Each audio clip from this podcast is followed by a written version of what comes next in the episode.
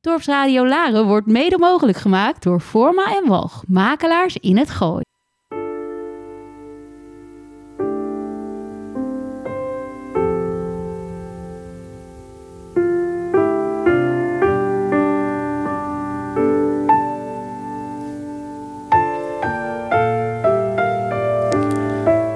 Praat met mij en doe dat honderd uit. Vertel me zwijgend waarover een leven gaat.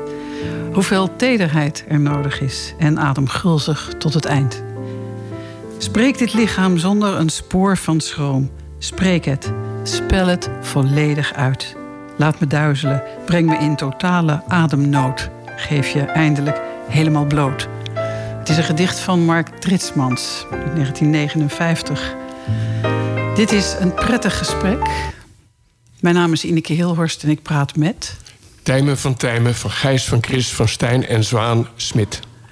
Dat is de erfgooiersnaam van uh, Timo Smit, die wij allemaal kennen als de, nou ja, al wat langer afgetreden voorzitter van Laris Behoud, nog wel steeds in het bestuur. We kennen hem ook van een hele hoop andere dingen in het dorp, maar dat, uh, daar komen we de komende twee uur wel achter, want we gaan twee uur met elkaar praten.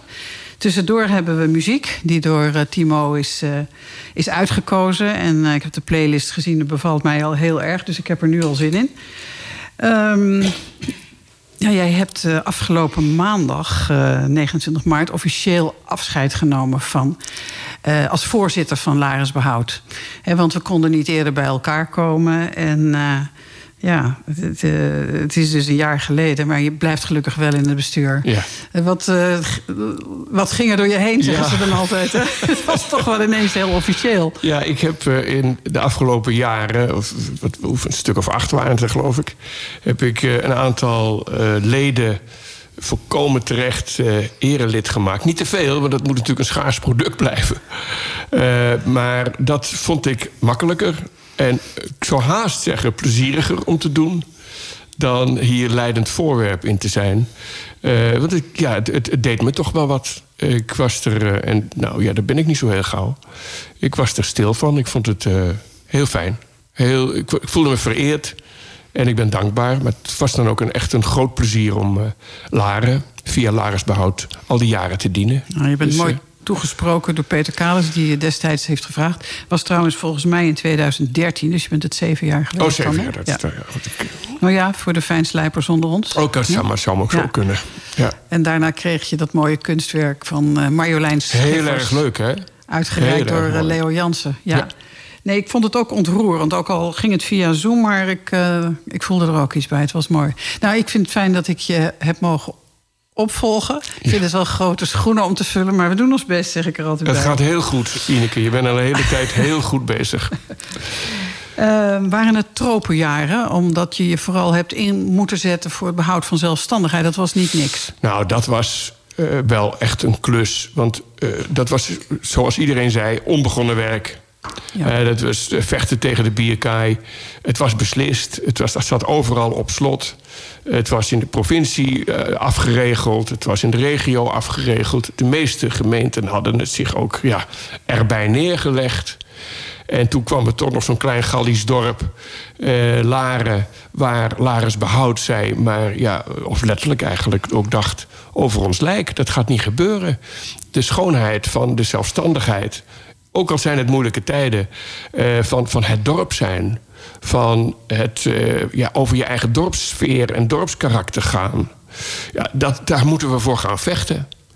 En uh, gaandeweg keerde het zich. Hè?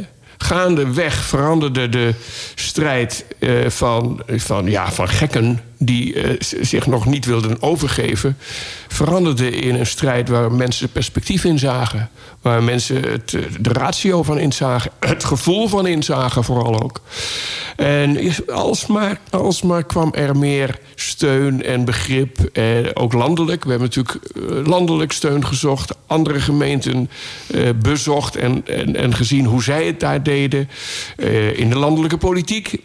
Uh, ja, dat was uh, keihard, keihard werken, maar wel heel inspirerend hoor.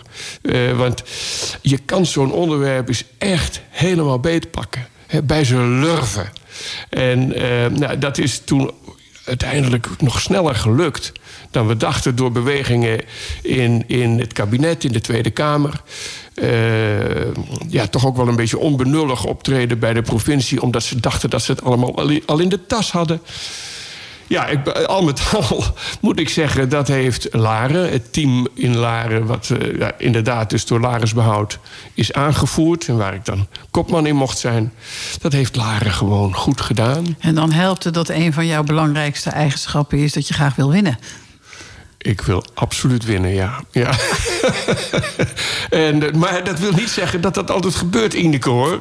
Want er zijn ook best wel uh, uh, aspecten waarvan ik mij, of waarin ik mij, de winnaar niet voel. En dat hoeft ook niet altijd zo te zijn. Je, als je gaat waar je voor staat, dan is het ook goed als dat bij meerderheid wordt afgewezen of wordt veranderd. Maar ik heb overigens van mijn vader geleerd, jongen je moet per saldo denken. Dus bij het saldo horen minnen en plussen. En als de plus overwegend is, ben je per saldo toch weer de winnaar. En dat is je goed gelukt, mijn jongen. nou, na jaren in uh, Huizen te hebben gewoond... ben je weer terug op het honk, hè, al een tijdje, terug in Laren.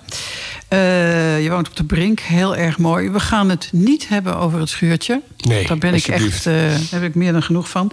We gaan het ook niet over de Brink hebben. Uh, dat, dat is weer voor een ander moment. Ik vind het goed. Tenzij jij zegt, nou, daar wil ik zo graag iets over zeggen. Dan, het is prachtig. De floor is yours. Maar ehm, nou, je bent dus een aantal jaren het dorp uit geweest... terwijl je echt kind van het dorp was. Hè? Je, je, je, bent nu terug in het ouderlijk huis. Op de Brink, een mooie huis. Was het dorp veranderd? Heb je een ander dorp aangetroffen dan je achterliet? Nou, dat kan ik niet zeggen, want ik liet het niet achter, Ineke, hoor. Ik, eh, kijk, als je in huizen woont, dat is, eh, je, je wandelt het in drie kwartier... en je bent er nog veel sneller. Mijn ouders zijn natuurlijk altijd in Laren blijven wonen in het huis waar ik nu woon. Dat heb ik mogen kopen van de familie en uh, prachtig renoveren. Uh, dus ja, er kwam nog zoveel in Laren... Waarbij komt dat mijn beroep als makelaar houdt in dat je gewoon voortdurend voeling moet houden met, met je marktgebied. En dat was Laren natuurlijk ook in een belangrijke mate. Dus eigenlijk ben ik, uh, ik zal maar zeggen, in het hoofd nooit weg geweest. Heb Laren altijd gevolgd zou haast zeggen, ook naar de kerk ben ik blijven gaan in Laren. Uh, het, is, uh, het is mijn dorp altijd gebleven en ik wist ook dat ik terug zou komen. Maar uh, ik heb een heerlijke tijd gehad in huis, midden in het bos gewoond. Lekker afgelegen, waardoor ik kon ontsnappen na mijn werk. En niet steeds die handjes op mijn schouder voelde van... hey Smit, nu ik je toch tegenkom. Dat, dat, dat heb ik echt dus een aantal jaren kunnen ontlopen. Heerlijk in het bos. Maar uh, nee, het dorp is niet, niet een ander dorp uh, geworden nadat ik uh, weer terug was. Of uh, gebleken te zijn nadat ik weer terug was. Maar is het, is het dorp veranderd, vind je? De ja, laatste het is jaren? natuurlijk ontegenzeggelijk veranderd. Als je, als je een langer perspectief neemt... dan had je een dorp van mijn jeugd... waar iedereen iedereen kende. En als je hem niet kende, dan wist je hem wel waar die, hoe, hoe het zat... en waarom je hem niet kende. Meisjes in plaats van jongetjes, andere scholen, protestanten, uh, andere plekken dan katholieken. Uh, je, voel je, je kon het allemaal duiden. En in mijn jeugd was natuurlijk toch ook überhaupt het, het, het, de eenvoud nog wel veel meer aanwezig. Behalve dan bij de processie. de eenvoud meer aanwezig dan vandaag de dag met alle Porsches en dure auto's en soms zelfs irritant ronkende wagens. Nee, het is een, neem het een, een, een, zeg maar een halve eeuw terug. En het is enorm veranderd. Het en is, is dat de tijdgeest of is dat specifiek voor Laren, denk je? Het is allebei. En het is zeker ook specifiek voor Laren. Want omdat Laren eh, zo'n, uh, ja, het is het, zo'n ongelooflijk aantrekkelijk dorp is. Hè? Met die prachtige brink, ook al mag, mag, ik het er niet over hebben. Maar je mag het erover oh, hebben. Vertel, wat vind je van de brink? Ja. Het, is, uh, nee, dus, uh, het is natuurlijk een ongelooflijk aantrekkelijk dorp. We zijn nog net nou ja, nog net in mijn gevoel nog wel een beetje te laat. Maar zullen we maar zeggen, nu per saldo ook weer... dat we nog net een beetje op tijd zijn geweest om Laren te redden. Om Laren uh, niet in de vaart der volkeren... Uh, eh, nog lelijker te maken dan het eigenlijk toch in bepaalde facetten al wel is geworden. Hè? Want die gebouwen die met name in de jaren 60, 70 zijn neergezet. Want de nieuwe tijdsgeest en dat oude moest er toch uit. Dat, uh, dat heeft uh, Laren wel pijn gedaan. Waar doel je op? Nou, een heleboel gebouwen. Kijk naar de bankgebouwen die toen zijn neergezet. Kijk naar het, het gebouwtje naast mijn huis... waar een prachtige boerderijtje stond. En ja, een, een lelijk, lelijk modern gebouw werd. Er zijn in Laren Centrum... alleen al direct in Laren Centrum... zeker 15 boerderijen gesloopt voor de vooruitgang... En wat er dan voor terug is gekomen. Hoei, hoei. Kijk dan naar de oude plaatjes. En dan ben ik helemaal geen, geen, geen uh, oude man die het alleen maar vroeger mooier vindt. Want een nieuw mooi gebouw vind ik ook prachtig. Alleen dat is niet gebeurd. In die, Blaricum heeft het wat dat betreft in het dorpscentrum beter gedaan. Hè? Daar zijn uh, nog veel meer echt boerderijen uh, gebleven en gerenoveerd. En daar zijn ze sneller geweest met het, uh, het monumentale in te zien. Maar ook geholpen door het feit dat de, ik maar zeggen, de nieuwkomers, de nieuwe gedachten, daar ook later hun intrede deden. dus Laren was daar eigenlijk een beetje de voorpost. Het gebeurde daar eerder, helaas. En, en, ze hebben geen grote gebouwen hoeven neer te zetten. Ook om met Jacques Walg te spreken. Omdat al die blarikemers die kunnen natuurlijk lekker naar de bank en naar de winkels in Laren. Hè? Ja, ja nou, zo hebben we elkaar altijd over en weer geholpen. Er was natuurlijk vroeger ook heel veel gemeenschappelijks. En, en dat is ook zo. Maar het, het, het Blarikum is, is ook geen dorp waar echt zo'n winkelcentrum past. Als je kijkt naar hoe het in elkaar steekt. Uh, en, en, en Laren met, met, weer met die brink en met die, die, die straten daaromheen... die ja. allemaal leiden naar de kerk. Ja, dat nodigt veel meer uit uh, tot uh, winkelstraten... En een infrastructuur die een hele andere kan zijn en moet zijn ook hoor. Dan in Blarikum, waar eigenlijk maar één hoofdweg doorheen gaat. Ja. Dus, uh, maar we hebben uh, veel verpest. En gelukkig uh, willen we nu wel behouden ja. wat, er, wat er nog van over is. Ja, we hebben ook nog veel moois. Ik wil toch, toch wel even positief blijven hoor, over, over ons dorp. Zeker.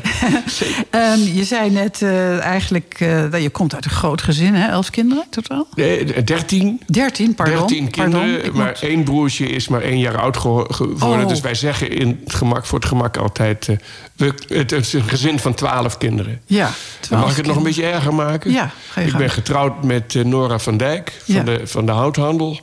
En dat was ook een gezin van twaalf kinderen. Dus als wij een Ja. privéfeestje geven, hè, dan is het al gelijk uh, Ja. volle bak. Nou ja, ik kom ook uit Laren. En uh, ik kende Nora wel en haar zusjes wel. Uh, de Smitjes kende ik niet. Maar wat erger is, jij kende Nora nog niet. Tot je achttiende. Ja, dat is de harde werkelijkheid. Mensen, jonge mensen die dit horen, ik hoop dat ze luisteren. Of tenminste, ik hoop dat er naar Dorpsradio Laren überhaupt geluisterd wordt. Er wordt geluisterd naar Dorpsradio Laren. Initiatief. Ja. Prachtig initiatief van Erik Heuring, Hurink. Maar uh, dat terzijde. De jeugd uh, kan zich haast niet voorstellen... dat je dus leuke meisjes in het dorp vroeger niet kende. Nee. Maar ja, die zaten op een andere school. Ja, hallo. Uh, die zaten op de meisjesschool en de jongens zaten op de jongensschool. Uh, voetballen, tennis... Nou, tennissen was dan wel gemengd, maar dat, dat, deed ik toen nog niet. Maar het voetballen was een jongenssport. Nou, vertel, vertel je ook maar. de meisjes weer niet tegen. Dus, Hoe ben je haar tegengekomen? dus dat is dus pas na, mijn, na, na de middelbare school... die ik ook niet in het gooi heb doorgebracht. Het, wat je dan vroeger noemde kostschool heb ik gezeten. En pas daarna heb ik Nora ontmoet. Hoe op ging een dat? Op een feestje. Hoe ging dat? Hoe ging dat? Ik... Je moet het nog ik, weten, hoor. Ja, ik weet ik zeker. Oh, anders dan hoef ik niet meer naar huis straks. Nee, dat wou ik zeggen. Uh, ik was student aan de Hogere Economische School in Amsterdam. Toen heette dat nog de HES op het Raamplein. Ja. Waar vroeger de oude handelsschool zat. Prachtig gebouw. Daar was ik student op de Hoge Economische School. Oh, dat heb ik al gezegd. Daar hing in de gangen van dat gebouw... daar hing een, uh, een uh, ja, hoe noem je dat? Een reportage van foto's... gemaakt door, dat wist ik ook niet, maar dat zag ik later... Frank van Dijk, broer van Nora. Nu dus mijn zwager, of al heel lang mijn zwager. En die foto's die hingen daar... en op een gegeven moment zag ik Nora hangen potverdorie, in echte hele mooie ogen met name. slank, mooi, blond.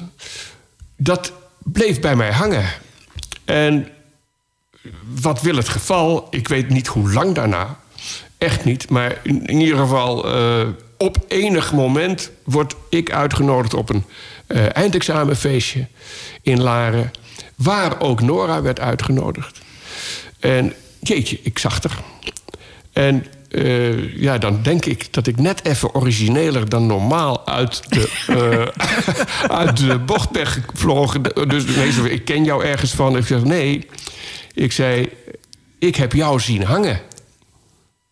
Jij hebt mij zien hangen. Nou, dat, dat als eerste uh, opmerking. Dus dat is op zijn minst werd dat uh, reden om met elkaar nog eens even door te praten. Hoe dat dan zat en waar dat dan was. En, enfin, uh, wij waren, voordat je het weet, eigenlijk bijna die hele avond in gesprek.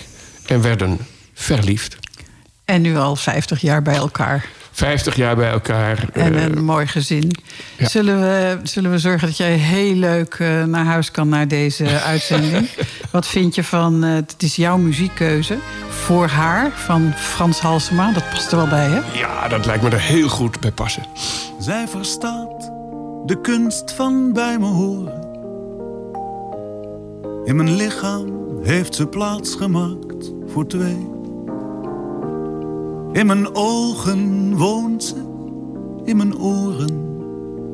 Ze hoort en ziet mijn hele leven met me mee. Soms begint ze in mijn hart te zingen. Maar het nachtras heeft ze lichtjes aangedaan. En door haar weet ik dan door te dringen tot de onvermoede schat van ons bestaan. Zo alleen maar wil ik verder leven, schuilend bij elkaar. En als ik oud moet worden, dan alleen met haar.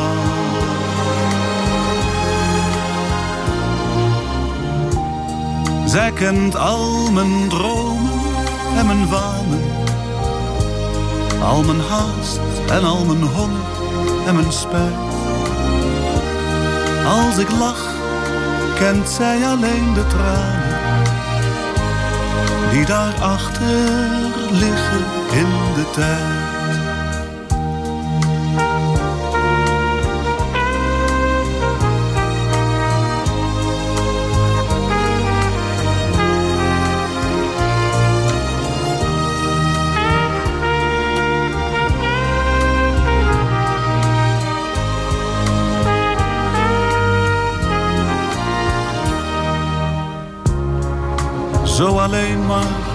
Ik verder leven, schuilend bij elkaar. En als ik oud moet worden, dan alleen met haar.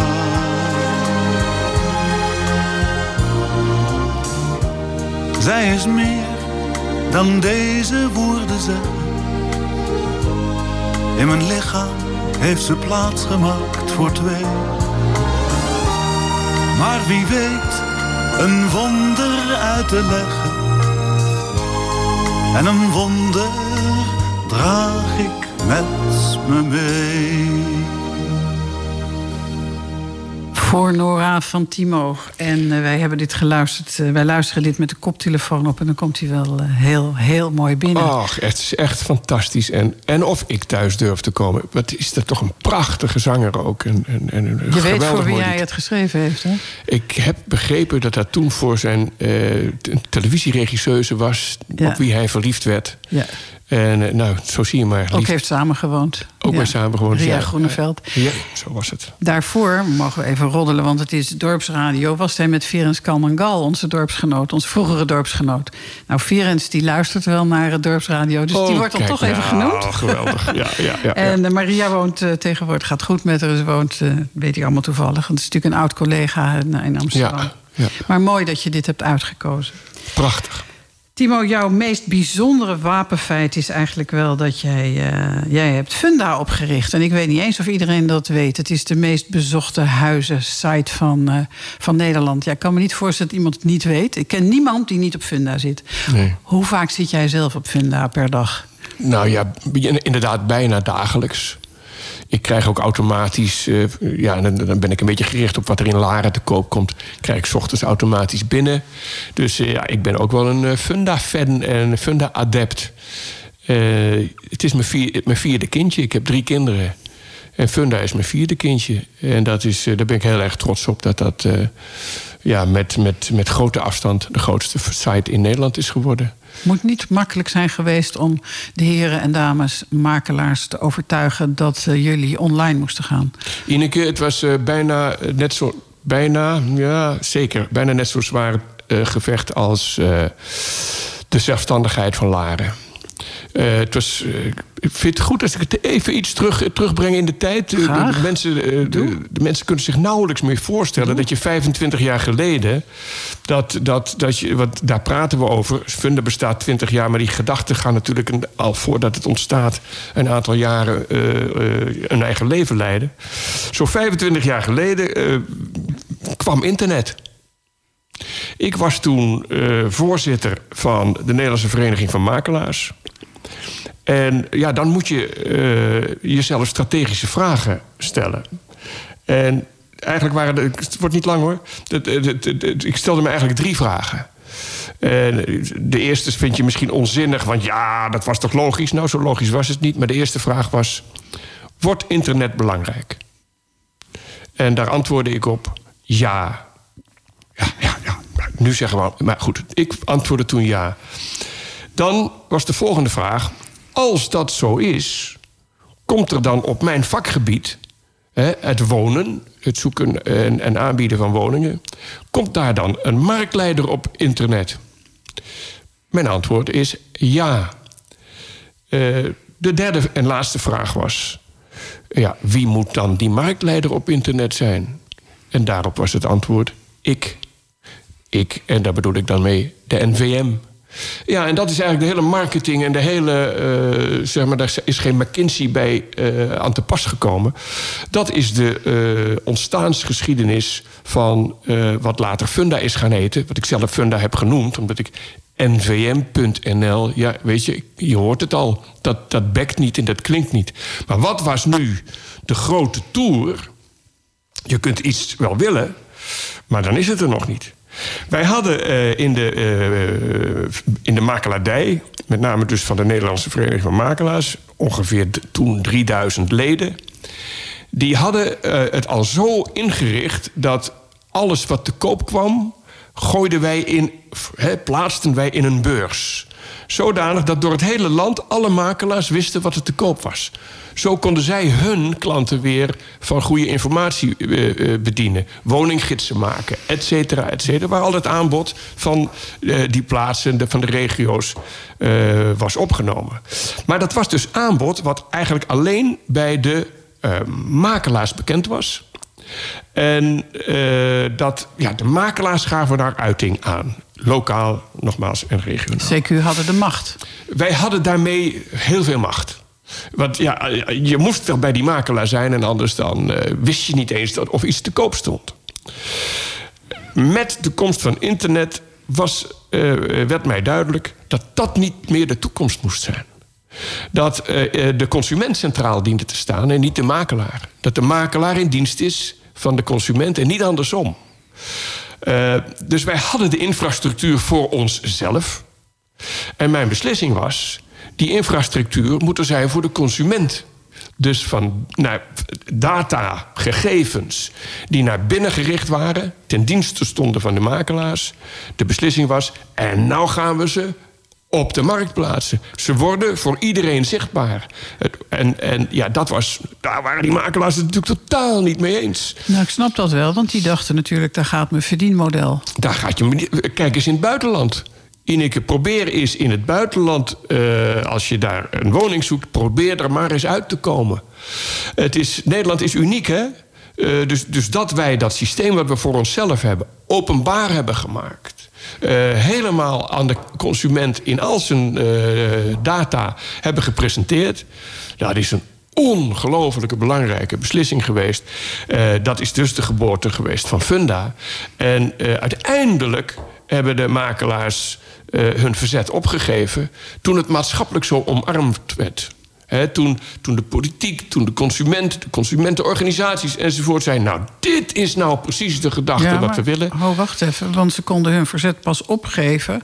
Het kon, het kon pas omarmd worden op het moment dat het er was. Maar hoe lang, heeft het er, hoe lang heeft het geduurd voordat het er was? Vanaf dat jij zei: jongens, wij moeten zus en zo. We hebben het een beetje stiekem gedaan. Nou, dat ook weet niet. Maar, uh, de, als, we aan, als we het echt aan de makelaars één voor één hadden gevraagd, dus zeg maar in de meest ideale democratische vorm. Hadden gevraagd: uh, willen jullie dat dat gaat gebeuren? En de optelsom hadden gemaakt van de stemmen, dan was het niet gebeurd.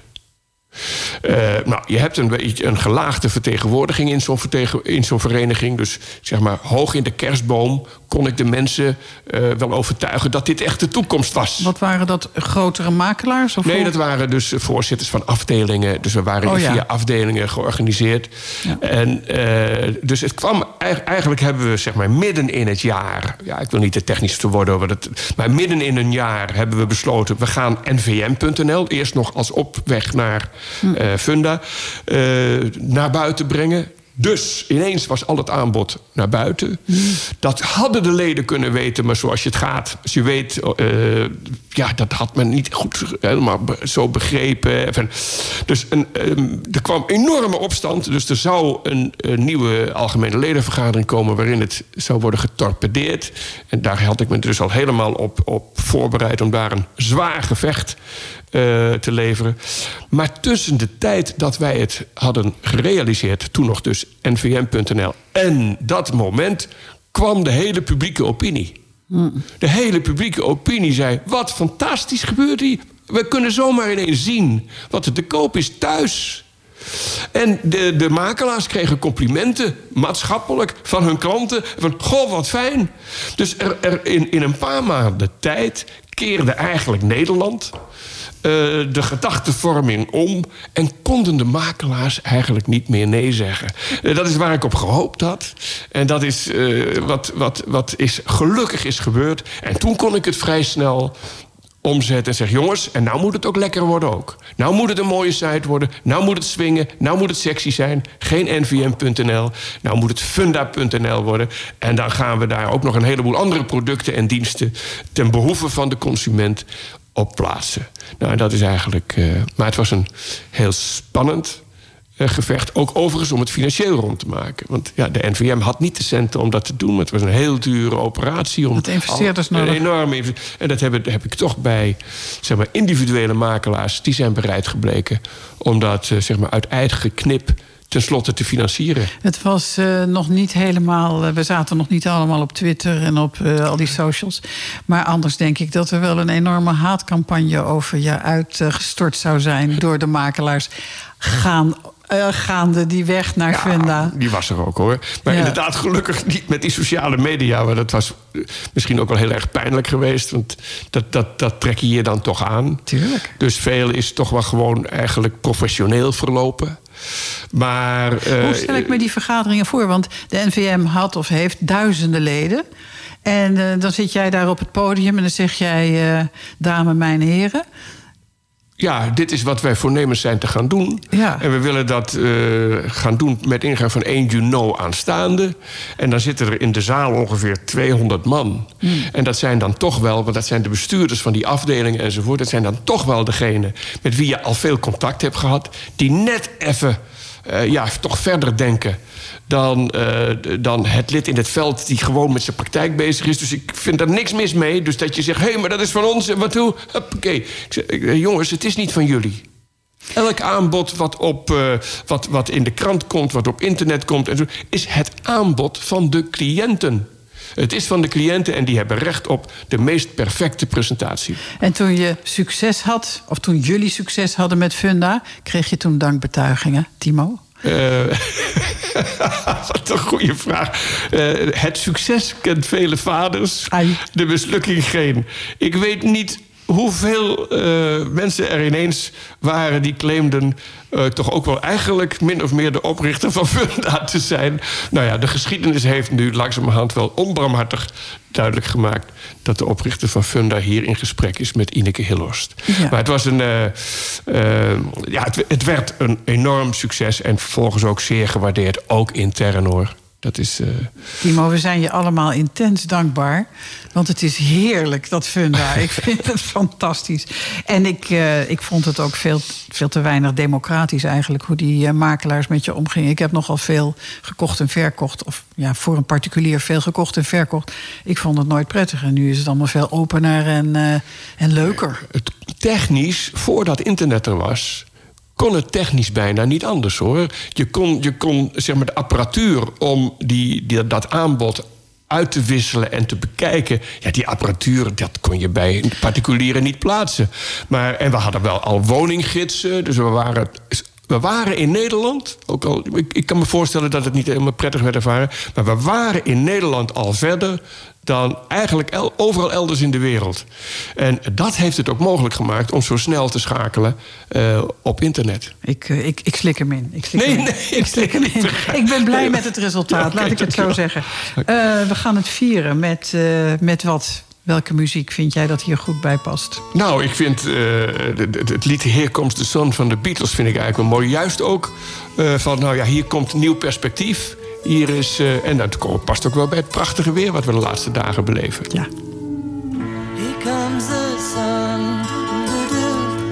Here comes the sun. I say it's alright.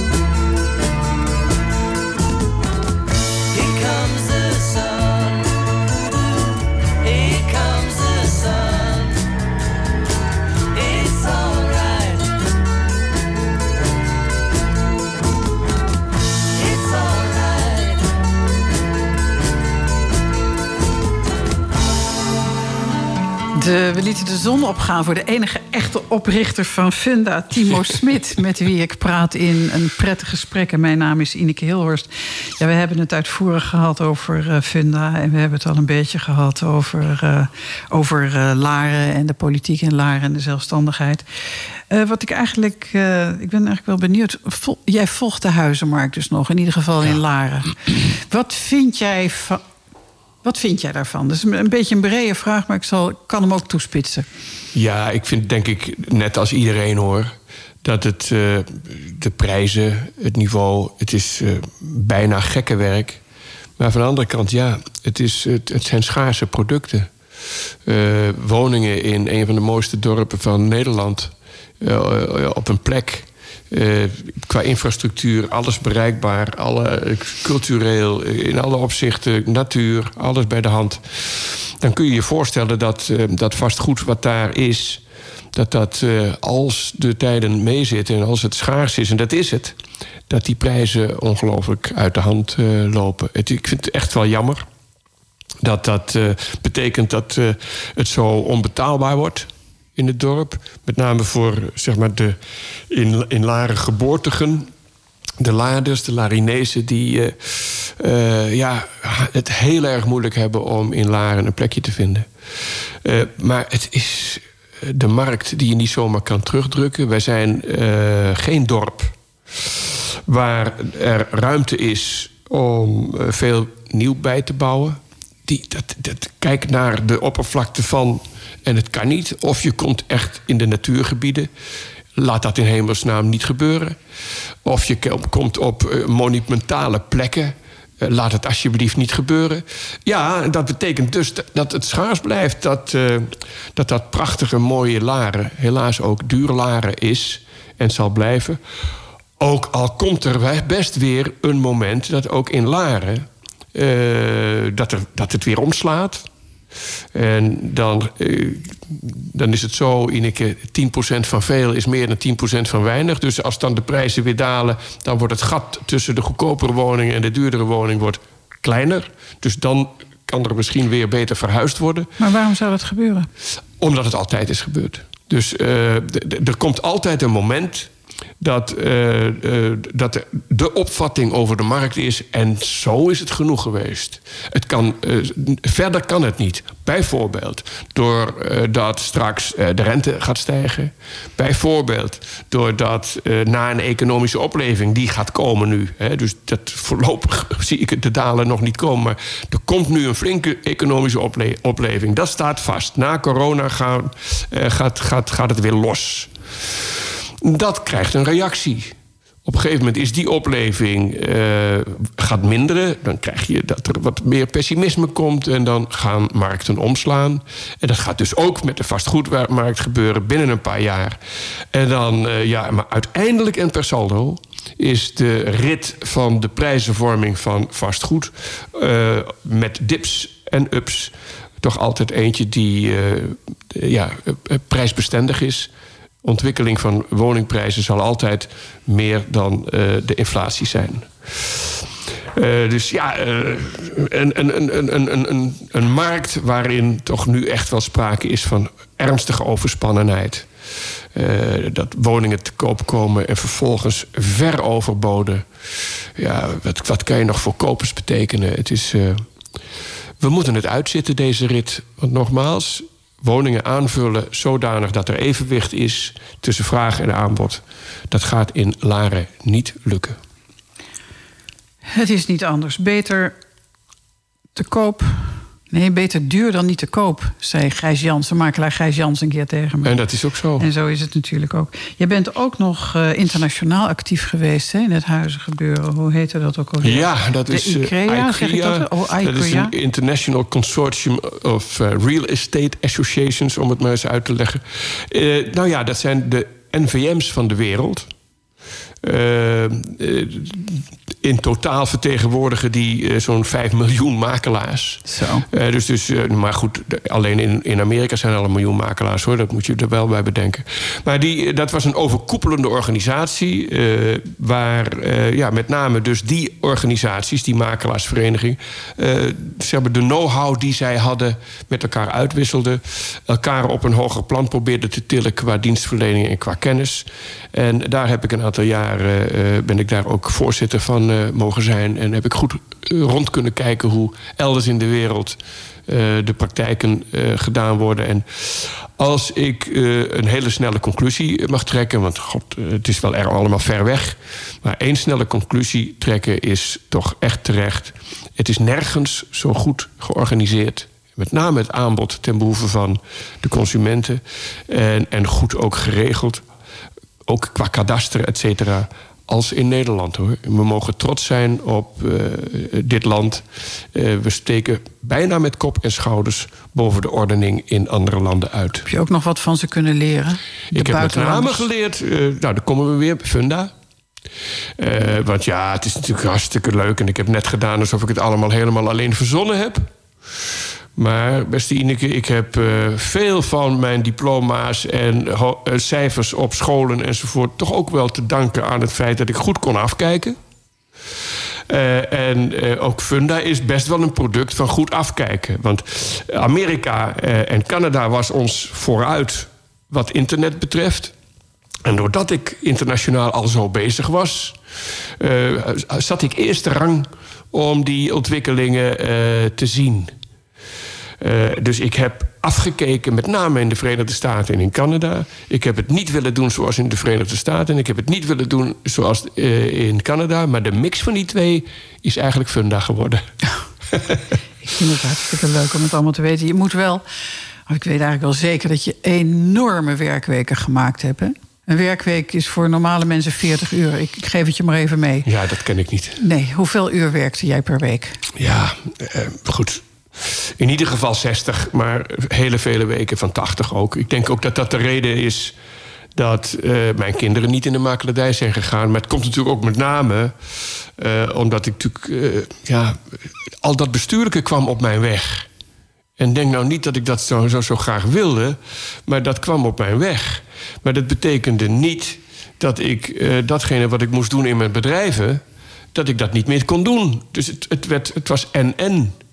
Want eh, ik wilde niet, zoals we het in dat bestuurlijke circuit noemden...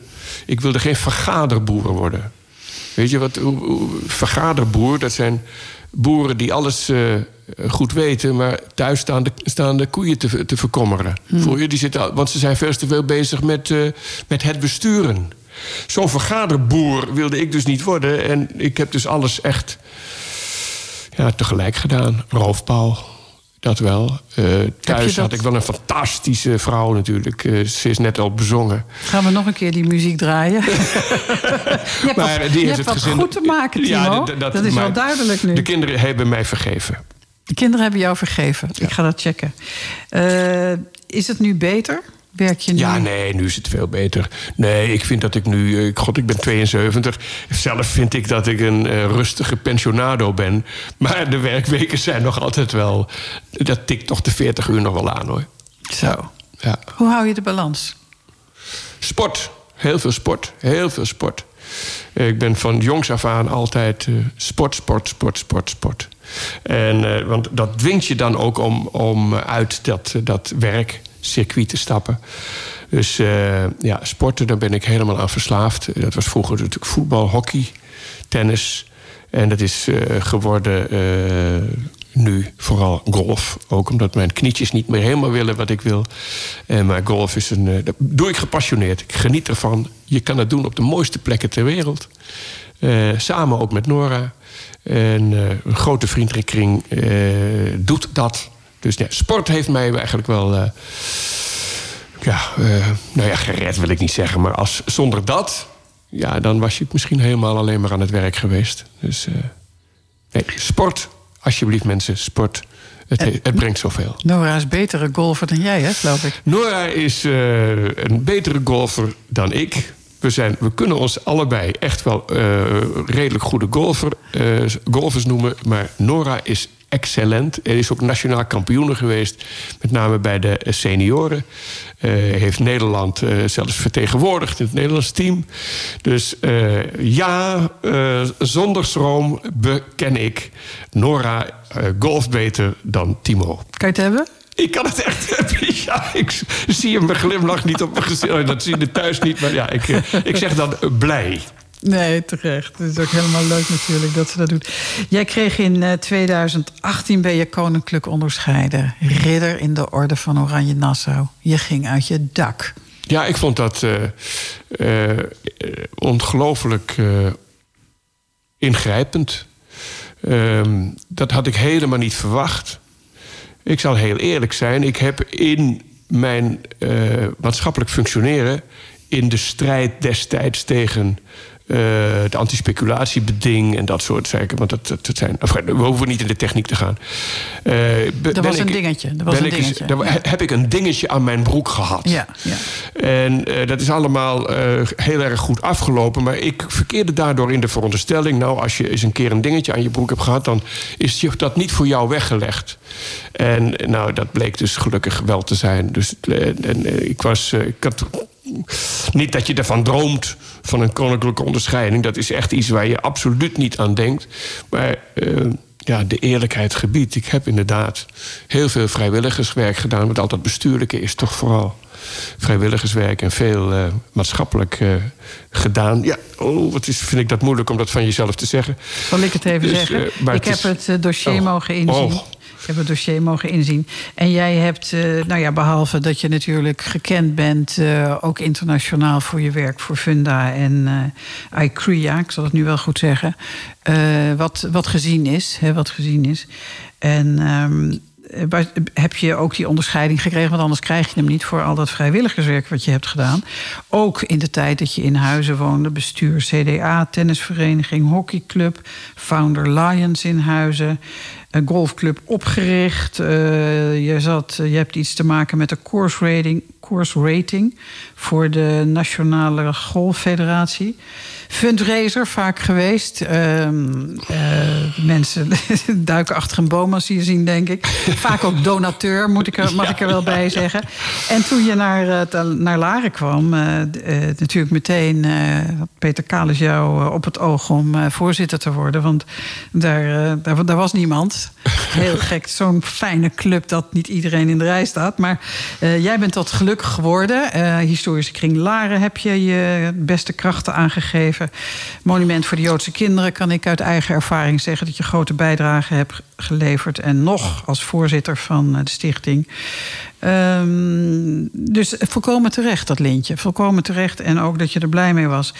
Wat al, al, dit, al dit werk, al deze bijdragen, is dat een dure plicht of een dure hobby? Wil je dat echt? Of, of overkomt het je allemaal maar omdat iedereen je vraagt en je denkt, nou, is niet zoveel werk, doe ik wel. Ik ben in wezen lui. Ja, Leg dat is echt zo. Eh, ik, eh, het liefst, eh, en, gelukkig ge- gebeurt dat nu ook wel, maar dat had ik vroeger ook wel. Het liefst zit ik, even los van het sport, hè, maar het liefst zit ik in een stoel en, en droom. En lees, droom weg, heb fantasieën, bedenk dingen. En dan komt eigenlijk al dat. En als ik het hoor wat je net noemt, dan denk ik, hoe is dat allemaal gekund? Maar dan komt dat op me over. Van, hoe kan dat dat je dat allemaal gedaan hebt? Ook nog midden in het dat werkzame leven. En geloof me, dat was niet uit ambitie om die dingen te doen. Ik heb nog nooit in mijn leven iets gezocht. Eh, ik, ja, het klinkt arrogant, maar ik, hoop dat ik dat zo niet overkom. Dat ben ik echt niet. Ik ben altijd gevraagd. En, eh, maar mijn opvoeding eh, is wel zo, ook op kostschool... dat daar zit natuurlijk een enorm element in van... steek je licht niet onder de korenmaat. Woeker met je talenten. Als je kunt dienen, zeg dan geen nee. En dat is eh, denk ik wel wat zo in mij zit. Dat, eh, eh, dat ja, ik denk dat het me daardoor toch vooral is overkomen vanuit die, vanuit die eigenschappen. We zijn, je, we zijn blij met je. Zullen we vriendschap laten horen van Johnny Jordaan? Ik vind het fantastisch. Ja, het levenslied doet mij heel veel. Een vriend is in het leven heel wat waard. Want vriendschap is toch het zout daaraan. Al kan een mens ook nog zoveel beren. Alleen zijn is zo moeilijk om te leren. De vriendschap wordt door niets geëvenaard. Al heeft men zelfs fortuin en roem vergaat. Want wat men ook mag doen, of ook mag wezen. Een vriend is in het leven heel wat waard. Een vriend die je vertrouwen kan. Een vriend waarop je bouwen kan. Dat zoek je al in je prilste jeugd. En als je hem gevonden hebt, als vriend aan je gebonden hebt, dan ken je pas de levensvreugd.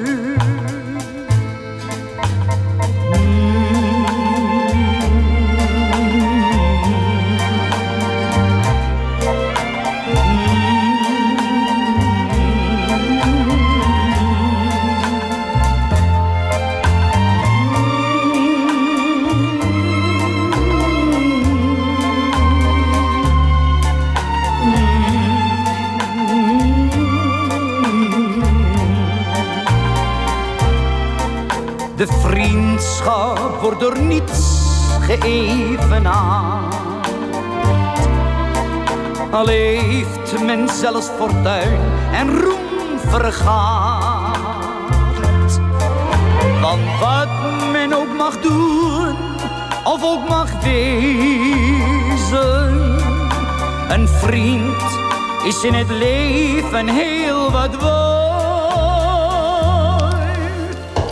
Het levenslied Johnny Jordaan Ja, over heerlijk. vriendschap. Heb je veel vrienden? Eh, ja, ja, nou ja, eh, ik vind eigenlijk van wel. Ja, ik ben heel rijk eh, en, en in vriendschappen. En dat, daar ben ik ook gek op. Dat, dat, dat- daar doe ik zoveel als mogelijk aan. Maar je hebt wel begrepen dat dat natuurlijk nooit toereikend is. Omdat je eh, ja, met allerlei eh, toch wel dingetjes nog steeds bezig bent. Maar ja, vriendschap vind ik, eh, vind ik ongelooflijk belangrijk. En ja, dat levenslied vind ik ook zo heerlijk. En als ik een, soms een borreltje op heb eh, op een feestje... Dan ga ik luid, luidkeels mee. Inclusief trema in de stem. Wat, wat jammer dat ik je niet aan de wijn heb gezet van tevoren. Maar vrienden weten dat. Ja, ja. Hoe onderhoud je die vriendschappen en dat drukke leven van je? Nou, eh, toch zoveel als mogelijk eh, bellen, appen. eh, veel vriendschappen zitten gelukkig ook gemeenschappelijk in het golf en bridge en dat soort zaken. Wij hebben, ja, nou goed, we hebben een leuke plek in Frankrijk. Daar la- laat ik veel, toch regelmatig komen vrienden daar op bezoek. Maar het leuke is in het centrum van Laren wonen dat eh, de meeste vriendschappen... ja, het zijn natuurlijk ook een heleboel internationaal opgebouwd... en zo, die hou ik ook allemaal aan, heel veel contact. Maar eh, het, het centrum van Laren, eh, daar wonen... dat betekent ook dat men makkelijk even langskomt. En gelukkig staat onze deur dan ook eh, altijd open. En, dus er is veel langswippen nog in het dorp... wat ik zeer, zeer, zeer op prijs stel. Zijn er ook mannenweekenden bij? Mannenweekenden, mannenweken, golftrips en dat soort zaken. Ja, elk jaar wel een aantal weken dat we de hort op zijn. Maar Nora ook hoor. Eh, en ook gemeenschappelijk natuurlijk. Maar heel veel van dat soort activiteiten. Heel veel plezier maken. Zeker de laatste tien jaar. Waar er toch wat meer lucht en ruimte om, eh, om plezier te maken. Daar genieten we met eh, volle teugen. Dus denk niet dat het alleen maar een hardwerkend, zwetend mannetje is. wat hier bij Dorpsradio geïnterviewd wordt. Het is echt vooral en vooral en vooral genieten en plezier maken. Want jongens, je leeft maar één keer hoor. Ik zie je stralen, ik geloof Ja. het van je. We hadden het, eh, nou we hebben het natuurlijk over Nora gehad. Er zijn drie kinderen, Tijmen, Meta, Puk. Twee meisjes en een jongen. Meta woont in Parijs. Ja. Dat is wat verder weg. Hoe ging dat eh, in dat drukke leven van je? Hoe, hoe eh, had je wel veel had je tijd voor ze überhaupt? Voor je kinderen? Nou ja, goed, je kunt het je wel voorstellen. Als ik nu ga zeggen dat ik er veel tijd voor had, of nam, dan, dan jok ik. Eh, ik zeg wel eens, eh, ik heb eh, zeven kleinkinderen. Ik denk dat ik, ja nee, het is gewoon zo. Dat ik met de kleinkinderen meer heb gedaan, meer betrokken ben, meer tijd heb besteed in hun echte jonge jaren. En graag, en ik, zou nog wel veel meer willen doen, dan aan mijn eigen kinderen. Terwijl ze zijn heel lief en, en, en, schattig voor me. Hoor. Ze zeggen helemaal niet dat dat zo is. Maar ik weet van mezelf. Eh, en, en, en als het al zo was, dan zei ik het al. Dat hebben ze me vergeven. Maar voor mijn gevoel eh, had ik het vaderschap met name toen ze jong waren, echt jong waren, eh, had ik beter kunnen doen. Dat had ik, daar had ik toch wel wat meer acte de présence kunnen geven. Op welke vlakken heb je verzaakt? Eigenlijk alles. Laat ik nou maar niet moeilijk doen. Ik bedoel, ik was er soms wel met eten. Nou, dat is het dan. Dus eh, in de weekends probeerde ik wel zoveel als mogelijk. Maar ja, zaterdags werkte ik toch ook heel veel. Eh, en dan en sportte ik zelf. Ik heb heel lang dus eh doorgehockeyd op, op het eerste elftal niveau. Ja, dat, dat, dat vraagt ook weer trainen. En, en het gaat eigenlijk toch wel allemaal ten koste van het gezinsleven. En Nora deed de kinderen. En ja, op zijn ja, heel ouderwets. En ik, ik beken, ik beken, Nora deed het gezin. Op je knieën dan maar. Ja, ja, ik, nee, goed, Wanneer ja, heb je leren koffie zetten? Eh, koffie zetten heb ik echt geleerd, nou, een jaar of tien geleden. Toen er een espresso-apparaat kwam zeker? Toen er een espresso... Ja, iedere keer. Ik, ik heb een, een tijdje in een, in een schema gewerkt. Dan, had, dan waren er afspraken per 20 minuten. En dan kreeg ik elke 20 minuten weer van een secretaresse een, een, een, een kop koffie enzovoort. Ik ben eigenlijk ook een beetje allergisch geworden haast voor koffie. Maar zelf koffie maken.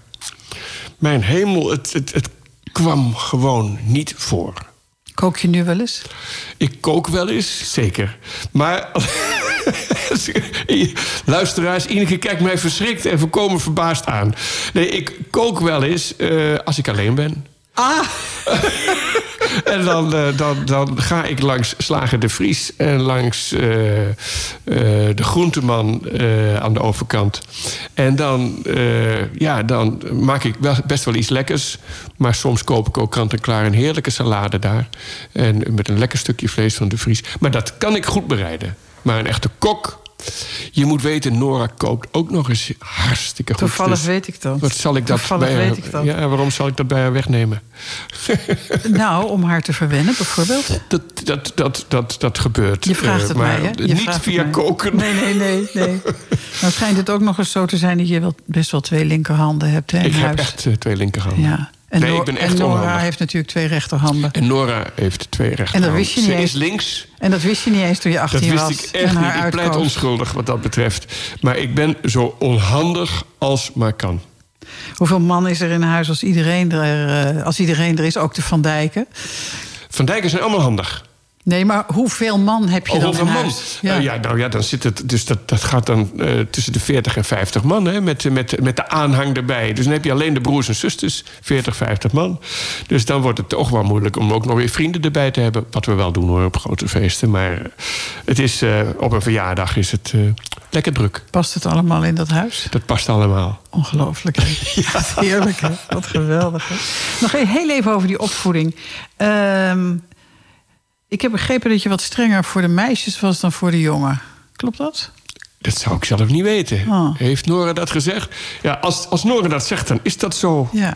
Eh, ik meer ben om me dat ze, niet meer om ze te beschermen dan wat anders, Ik- dat, hoor. dat zal het zijn. Ja. Want ja. eh, ik, ik ben me dat niet gewaar. Maar eh, als dat de ervaring is, dan moet het waar zijn. Want elke eigen waarheid is de waarheid. Maar ik weet, ja, dat zal beschermen zijn. Dat je toch iets hebt van, eh, eh, ja, die moet ik voor de boze buitenwereld beschermen. En dan hou je het toch wat, eh, je hou je die wat meer tegen. Je herkent het niet of wel? Ik eh, herken het niet helemaal. Nee, maar jeetje, het zal zo zijn hoor. Ik, on- Ja? ik, ik eh, herken het niet, maar ik ontken het ook Nou, niet. als je nou een luie bui hebt en je gaat zitten mijmeren, denk nog maar eens Dan ga even ik dat na. nog eens eventjes. Ja. Welke, welke muziek past hierbij uit je lijst? Eh, nou ja, ik, ik, ik vind... eh, nee, nee, die nog niet. Doe nou Tears in Heaven. Ook, ook al is dat van, van, van eh, Eric Clapton. Hij heeft niets met dit onderwerp... het was toch best blijmoedig te maken... maar ik vind het zo'n akelig mooi lied. Eh, Eric Clapton.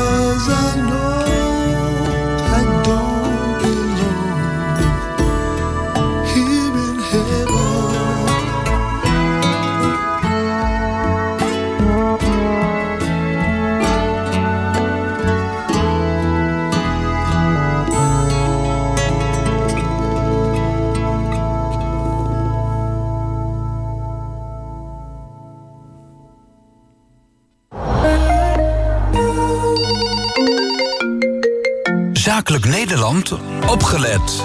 Wil je echt gemak? Stap dan over op zakelijk telefonie van VoIP Zeker. Daar ben je gelijktijdig bereikbaar op je vaste en mobiele telefoon... en kan je bellen via jouw desktop. Dat is pas echt flexwerken. Bestel snel op VoIPzeker.nl. Dat is voipzeker.nl. Nu tijdelijk met 50% korting. Van Barbier Algier zijn blij met het succes van Barbier Algier. Want onze kapsels zijn niet alleen heel mooi... nee, je wordt er ook nog eens knapper door. Logisch dat sommigen, en ik noem geen namen... ons idee proberen te pikken. Er zijn zelfs mensen die denken dat elke barbier hetzelfde is als Barbier Algier. Maar alleen bij Barbier Algier is het net even anders. En daarom adviseren wij van Barbier Algier... Barbier Algier... Dorpsradio Laren, nieuws en weer. Dit is Ewald van Liemt met het radio-nieuws. Volgens het RIVM zijn er in de afgelopen 24 uur 6918 nieuwe coronabesmettingen gemeld. Ruim 200 onder het gemiddelde van de afgelopen week. Er kwamen ook 16 coronadoden bij. In de ziekenhuizen nam het aantal covid-patiënten met 31 af naar 2317... waarvan er nog 730 op de intensive care liggen. In het afgelopen etmaal werden 21 coronapatiënten naar een andere regio gebracht om de druk te verdelen. Er zijn ook al zo'n 2,7 miljoen vaccinaties gezet, maar het aantal ingeënte personen loopt achter. De bestuurder van de vrachtwagen die in Taiwan op het spoor kwam en een dodelijke treinramp veroorzaakte, heeft vandaag huilend zijn excuses aangeboden. Zijn vrachtwagen stond op een bouwplaats geparkeerd net boven de spoorlijn, maar reed langzaam de rails op vlak voordat er een trein aankwam. Mogelijk was de handrem niet goed aangetrokken. Er wordt nu bekeken of dat een menselijke of een mechanische fout was. Bij het ontsporen van de trein vielen 51 doden en meer dan 200 gewonden. In Spanje komt er een 50 miljoen euro kostende test van drie jaar met een vierdaagse werkweek om te kijken wat de economische impact daarvan is. De Spaanse regering zoekt zo'n 200 vrijwilligers bij honderden bedrijven om er in de herfst aan mee te gaan doen. Andere landen experimenteren ook al met een kortere werkweek. Japan denkt over het invoeren van een extra vrije dag en in Nieuw-Zeeland gaat Unilever een test doen. En een Duits technologiebedrijf betaalde hetzelfde salaris voor minder uren, maar verkocht daarna meer. En in Jordanië zijn zeker 14 mensen opgepakt vanwege mogelijke voorbereiding op een staatsgreep. Eerder vandaag werd al bekend dat voormalig kroonprins Hamza bin Hussein, een halfbroer van koning Abdullah, onder huisarrest was geplaatst. Hij zou samen met buitenlandse partijen het land willen destabiliseren om de macht te grijpen. Prins Hamza is de oudste zoon van wijle koning Hussein en koningin Noor. Omdat hij in 2004 te jong was om zijn vader op te volgen, werd zijn halfbroer Abdullah koning. Het weer vrijwel droog bij een matige tot vrij krachtige west- tot noordwestenwind. Komende nacht trekt er vanuit het noordwesten regen naar het zuidoosten bij een graad of 5. Morgen wordt het een graad of 7 en valt er veel neerslag. Tot zover het radionieuws. Q-Storage is een nieuwe self-service opslag voor het kort of lang opslaan van je spullen, zowel privé als zakelijk. Alles waar je zelf even geen plaats voor hebt. Onze opslagunits vind je in ons goed beveiligde pand in Naarden. Boek eenvoudig online via q-storage.nl vanaf 16 euro per maand. Nu één maand gratis. Q-Storage Naarden. Boek online en je hebt direct toegang tot je eigen unit. Hou je van tennis, sportiviteit en gezelligheid? Kom dan tennissen bij het Laar. Idyllisch gelegen achter het Hertenkamp. Op deze locatie hebben wij zes prachtige gravelbanen, een minibaan voor de kleintjes en een mooi zonnig terras met clubhuis. We werken met ervaren trainers en organiseren veel leuke evenementen en toernooien. Ga voor meer informatie naar www.hetlaar.nl. Tot op de baan! Balance in Life. Op zoek naar positieve, helende energie? Vanuit eigen ervaring en inspiratie biedt Ekaterina begeleiding bij het vinden van een nieuwe weg. Waarin creativiteit en vitaliteit in kunst centraal staan. Open een deur naar een rijker en voller leven en leg dit vast in een eigen kunstwerk. Balance in Life door Ekaterina. Nieuweweg 41b, Laren. Bel 0633 042842. Leef je droom. Wacht niet tot morgen. Dorpsradio Laren sponsoren? Kijk op onze website dorpsradio.nl of bel 035 781 0781. En u bent weer terug eh, bij het programma Een prettig gesprek met. Mijn naam is Ineke Hilhorst en ik praat met Timo Smit. In het eerste uur hebben we het gehad over zijn uh, ongelooflijke verdiensten voor Funda. Over zijn vrijwilligerswerk. Dat was een enorme lijst die ik uh, hier heb mogen voorlezen. Het feit dat hij uh, voor al dat werk een koninklijke onderscheiding heeft gekregen in 2018. Een ridder geworden in de orde van Oranje Nassau. Wat uh, speciaal te noemen is voor een, een vastgoed, vastgoedman. Want er hangt altijd een zweem van argwaan omheen bij de bij de boven ons geplaatste. wat betreft de koninklijke onderscheiding. Maar is allemaal goed gekomen. We hebben het ook over wat persoonlijke dingen gehad. de man kookt eigenlijk niet, dat kunnen we wel vaststellen. hij kan een kopje koffie zetten, dat doet hij goed. En de kinderen hebben hem vergeven dat hij er niet zoveel voor hem was. Maar ik denk dat het toch een hele leuke vader was. Hij is heel sportief. En ehm, ja, we komen nu eigenlijk... We gaan even wat verder terug in de tijd, Timo, met jou wil nemen. Want uh, jullie, jij had vijf zusjes en zes broers, zeg ja. ik het nou goed? Ja. ja. Um, en je ging naar kostschool. Je ging naar het Canisius College in Nijmegen. Ja. Je bent een jezuïetje. Ik ben een jezuïetje, ja. Uh, met groot plezier. Uh, je hoort zoveel van, oh, wat kostschool, wat erg was dat. Maar dat was natuurlijk toch wel pittig, hoor. Uh, want tegenwoordig komen ze elk weekend thuis en is het eigenlijk een, prachtig mooi pension waar je blijft. Dat was om de zes weken naar huis. En dan ging je dan als twaalfjarig jochetje. En in grote groepen met jongens, ook natuurlijk alleen jongens, heel katholiek. Uh, zeven tot acht keer in de week naar de kerk. Hè? want zondags twee keer. En elke avond nog af te sluiten in de, in de kerk. Met name dus voor 1963. Voor het, dat was een beetje, toen begon het wat liberaler te worden. na het Tweede Vaticaans Concilie. dat, dat, ja, het is een indrukwekkende opleiding geweest, moet ik zeggen. en ik kijk daar met groot plezier naar terug. Twaalf kinderen. Hè. Hoe komt dat nou? Waarom moest je naar Kosovo? Je was, zal wel lastig geweest zijn. Ik geloof niet dat dat zo was. Ik was wel pittig, maar niet lastig. Het was een groot gezin. Twaalf kinderen in één huis. De hoeveelste was jij? Ik was de middelste. Ik had er vijf boven me en zes onder me. En uh, dus dan zit je in het midden. Uh, dus het, het gezin was al zo'n beetje compleet nagenoeg compleet. Eh, want ja, zo'n groot gezin betekent dat als de jongste geboren wordt, de oudste het huis het gaat. Hè? Maar goed, ik zat in het midden. En uh, ja, dat was toch wel veel in zo'n huis. En uh, mijn vader had ook nog kantoor aan huis, waar ik nu ook zelf zit aan de brink. Daar had hij zijn uh, makelaarskantoor. Uh, ja, het was, het was vol. En nou, om allerlei andere, ook mijn moeder was flink astmatisch. Was het toch wel makkelijker als en beter. En gelukkig kon mijn vader dat opbrengen, ik maar zeggen. Dus het kost ook niet niks.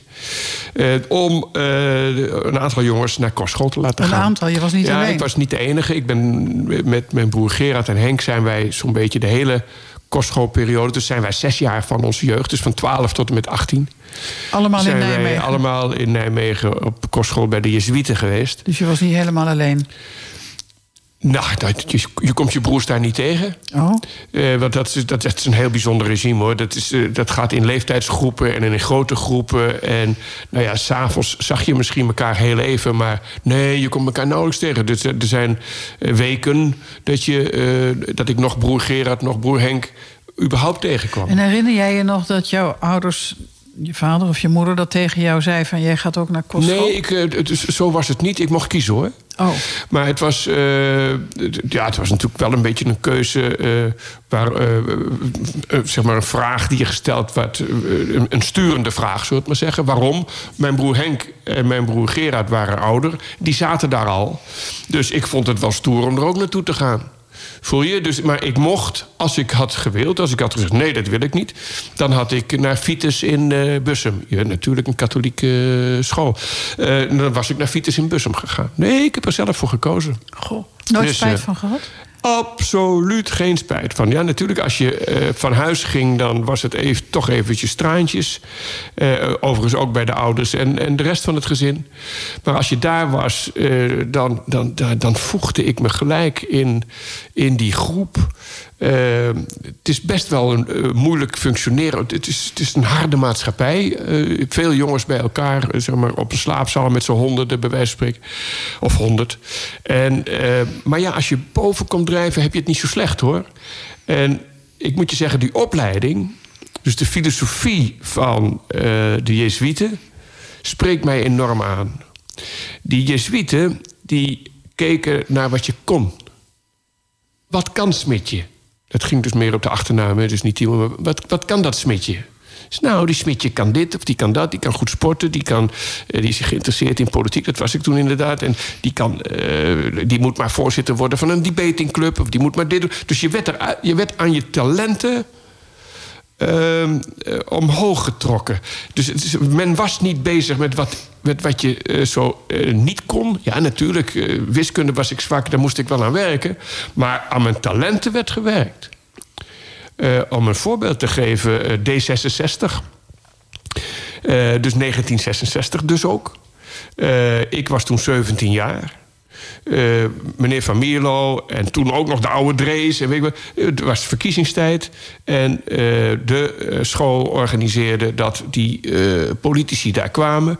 En wie moest de gastheer zijn en wie moest de voorzitter zijn om dat te doen? Dat moest Smitje. Hoe oud was je toen? Toen was ik dus 17. En, en waarom? Ik werd er weer uitgeplukt. De, de, want die, kennelijk zagen die Jezuïeten dat je, dat je dat soort uh, ja, talenten had. Dus je was een en, beetje in een bevoorrechte positie daar, lijkt het wel. Nou ja, ik denk wel dat in principe... Ja, je let niet hoe ze het met anderen doen. Dat let je niet zo op. Maar in principe uh, was dat is, en is dat... Uh, nou ja, het was vooral het systeem bij de Jezuïeten... van woeker met je talenten. Welke talenten zitten er in, in dat mens? Uh, dat mens gaan wij verbeteren, die gaan wij op een hoog plan brengen. Kon je goed leren? Uh, ik, de rapporten in de eerste tijd bestonden vooral uit kreten als weinig, maar uit een goed hart. Uh, hopelijk komt het verstand met de jaren. uh, uh, en dat soort kreten. Dus ik ben dan ook gelijk het eerste jaar blijven zitten. Maar die Jezuïeten, die gaven mij niet op. Dus het, het verstand kwam wellicht ook wel met de jaren. in. Ik, was niet geïnteresseerd in leren. Ik, ook daar wilde ik sporten. Ik wilde vooral sporten. En je kon daar, man, een, een, een, een complex was het. Met allemaal sportvelden. Dus hockey, voetbal, tennis, cricket, basketbal. Alles kon je doen. Uh, dus ik, uh, ja, ik zat wel in die studie, maar in mijn dan had ik mijn hoofd, mijn, mijn, ho mijn hoofd zat op mijn handen of lag in mijn handen. Zogenaamd, weet je wel, om, van, turend in de boeken. Maar in gedachten was ik op het sportveld of nou ja, in mijn fantasieën. Dus die eerste jaren heb ik eigenlijk... Ja, nee, dat was heel erg rampzalig. Maar ze hebben me niet van uh, school getrapt. Wat ze Vanwege nog wel eens, die andere wat ze, kanten. Wat ze ja. hadden kunnen... Ja, ik denk het. Ja. En het is gaandeweg... Gaandeweg is dat ook uh, goed gegaan. Nou, nou, dus van slecht naar voldoende, van naar voldoende naar ruim voldoende. En uiteindelijk ben ik uh, heel goed geslaagd. Dus ik heb één jaartje moeten overdoen, met name in de basis. En, maar uiteindelijk, HBSA hè, had je toen nog. De handelskant van uh, de, de, de, de, middelbare schoolopleiding. Toch wel redelijk makkelijk uiteindelijk uh, uitgeserveerd. Waren er mindere dingen op die uh, kostschool? Minder goede herinneringen? Nou ja, het, het, het echt. ik heb het zelf. dus nogmaals, ik heb het zelf echt plezierig ge gehad. Maar in het allerbegin. De luisteraar zal het niet geloven. Maar waren er nog lijfstraffen. Oh. Uh, en als je dan slim was, dus als je, je had iets uitgevreten, dan moest je naar Pater Prefect. En Pater Prefect had dan een kast. En in die kast uh, zat een, een, een, een, wand met Spaanse rietjes. En als je nou uh, langzamerhand uh, werd je ervaringsdeskundige en wist je, ik moet die zware rietje moet ik niet hebben, want dat is niet goed voor, voor het stuitje. Maar ik moet die, uh, dat lichte rietje, dat dunne rietje moet ik ook niet hebben, want dat zwiept echt. Uh, nou ja, dat laat streamen na. Dus een beetje een middelmaatje. En dan was het allemaal goed te doen. En ik moet je heel eerlijk zeggen... die paters konden het ook eigenlijk niet meer opbrengen hoor. Dat kwam uit een, uit een ver verleden. En, dus wij kwamen heel goed weg met die straffen. Uh, en dat is allemaal ook veranderd. Ook weer na het Vaticaans Concilie. En meer ouders die meer inspraak kregen. En die vonden dat dat allemaal toch niet meer kon. Zo en uh, dat betekende dat het natuurlijk ook werd afgeschaft. Met als grote nadeel dat als je dan iets had uitgefroten... dan moest je een hele middag moest je een telefoonboek overschrijven. Nou, gaf mij dat Spaanse rietje maar hoor. Dus ik was daar... eh, maar, dus was dat nou leuk, was dat nou niet leuk? Ik vond het wel wat hebben. En eh, ik, ik vond het een... eh, ik denk met groot plezier, met heel veel plezier... denk ik aan mijn kostschooltijd. Ook aan de, eh, de kameraadschap eh, met, met de jongens.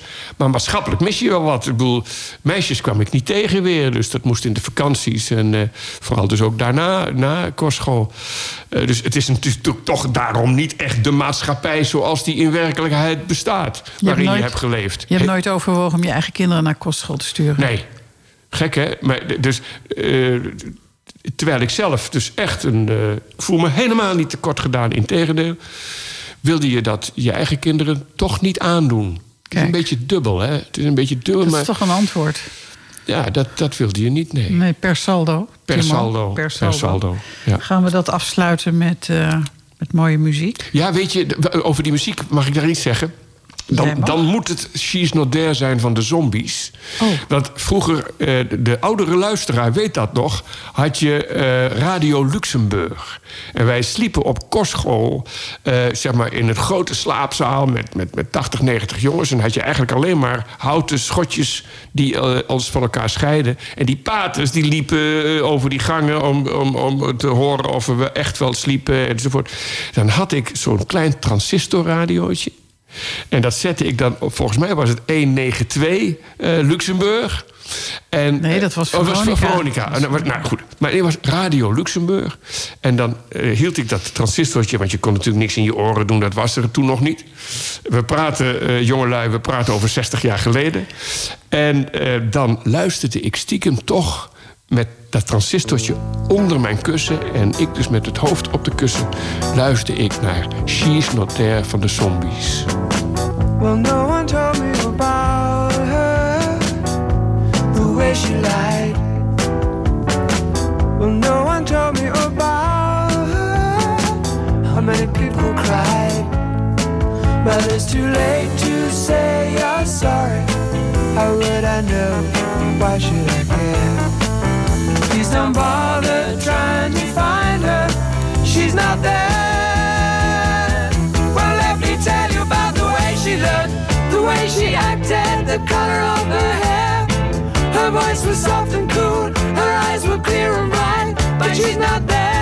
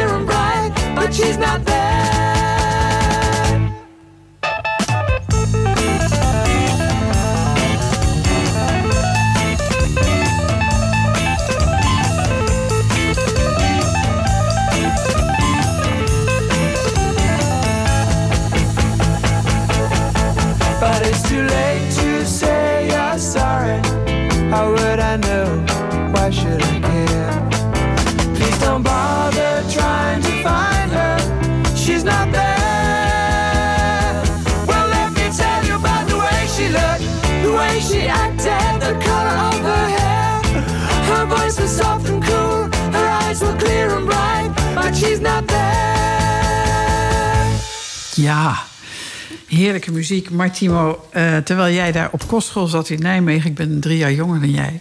zaten wij hier op deze muziek te dansen in het Social. Ja. Op de Eemnesserweg, achter eh, Lumière...